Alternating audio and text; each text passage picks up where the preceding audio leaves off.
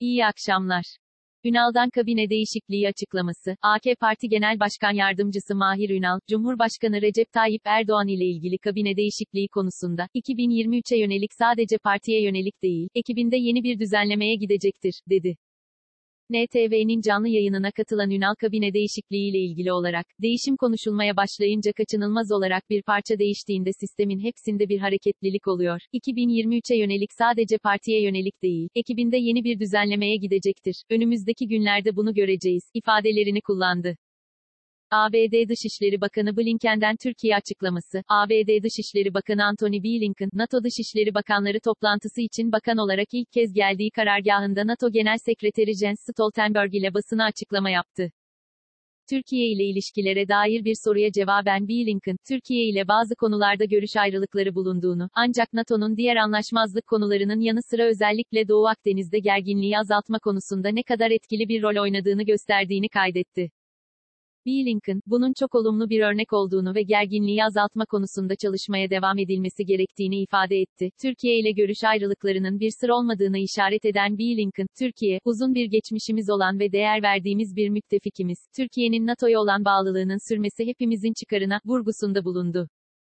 Bakan Pekcan, Gümrük Birliği'nin güncellenmesi kilit maddelerden biri olacak. Ticaret Bakanlığı'ndan yapılan yazılı açıklamaya göre, Ticaret Bakanı Ruhsar Pekcan, AB Ekonomi Komiseri Paolo Gentiloni ile video konferans yoluyla görüştü.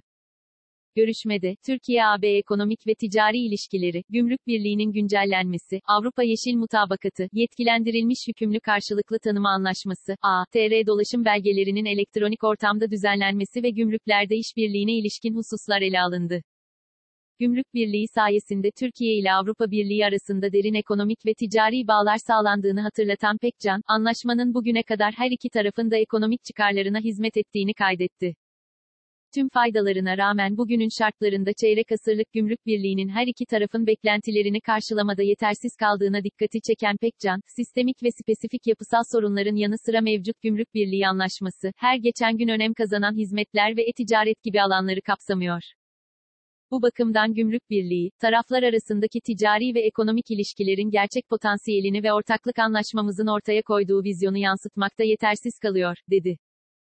Avrupa Birliği üyeliğinin, Türkiye için stratejik bir hedef olmaya devam ettiğini belirten Pekcan, 25-26 Mart tarihindeki AB zirvesinden somut çalışmaların önünü açacak bir netice beklediklerini ve Türkiye ile AB arasında pozitif bir gündem oluştururken, Gümrük Birliği'nin güncellenmesinin kilit maddelerden biri olacağını vurguladı.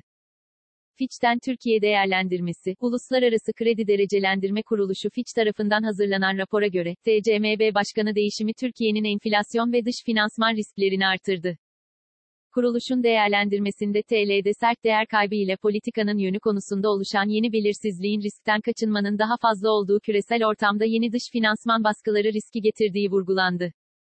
Türkiye'de para politikası kredibilitesini uzun süredir bir not zayıflığı olarak gördüğünü kaydeden Fitch, yeni Merkez Bankası Başkanı Şahap Kavcıoğlu'nun politikalarını ve dış pozisyondaki gelişimi izleyeceğini vurguladı. TCMB'nin TL'deki değer kaybına ilişkin adımlarının da izleneceğinin altını çizdi.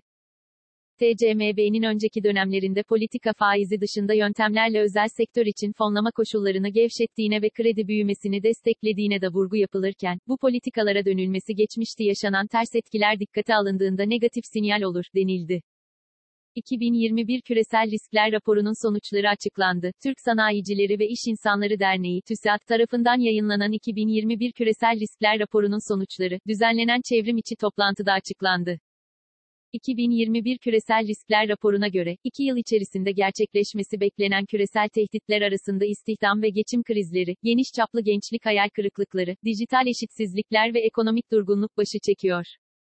Küresel Riskler Raporu 2021'de en son gerçekleştirilen küresel risk algı anketinin sonuçları da paylaşılırken, büyüyen sosyal, ekonomik ve endüstriyel bölümlerin analizine, bunların birbirleriyle olan bağlantılarına ve toplumsal uyum ile küresel işbirliği gerektiren büyük küresel riskleri çözme becerisi üzerindeki etkilerine yer veriliyor. Raporda, salgından çıkartılacak derslerden ve tarihsel risk analizinden yararlanılarak dayanıklılığı artırmaya yönelik öneriler bulunuyor. BIST 100 endeksi, günü %0,13 düşüşle 1377,43 puandan tamamladı. Saat 19.30 itibarıyla ABD doları 7 lira 86 kuruş, avro ise 9 lira 39 kuruştan işlem görüyor. Bugün Google'da en çok arama yapılan ilk 5 başlık şu şekilde. 1. Yasak elma. 2. Çukur son bölüm. 3. Covid aşısı. 4. Bielsa. 5. Maraşlı 11. bölüm izle. Bugün Twitter gündemi ise şöyle. 1. Hashtag salı. 2. Hashtag ekonominin devası. 3. Hashtag Sait Nursi. 4. Hashtag kabineden iptal bekliyoruz. 5. Yiğit Bulut.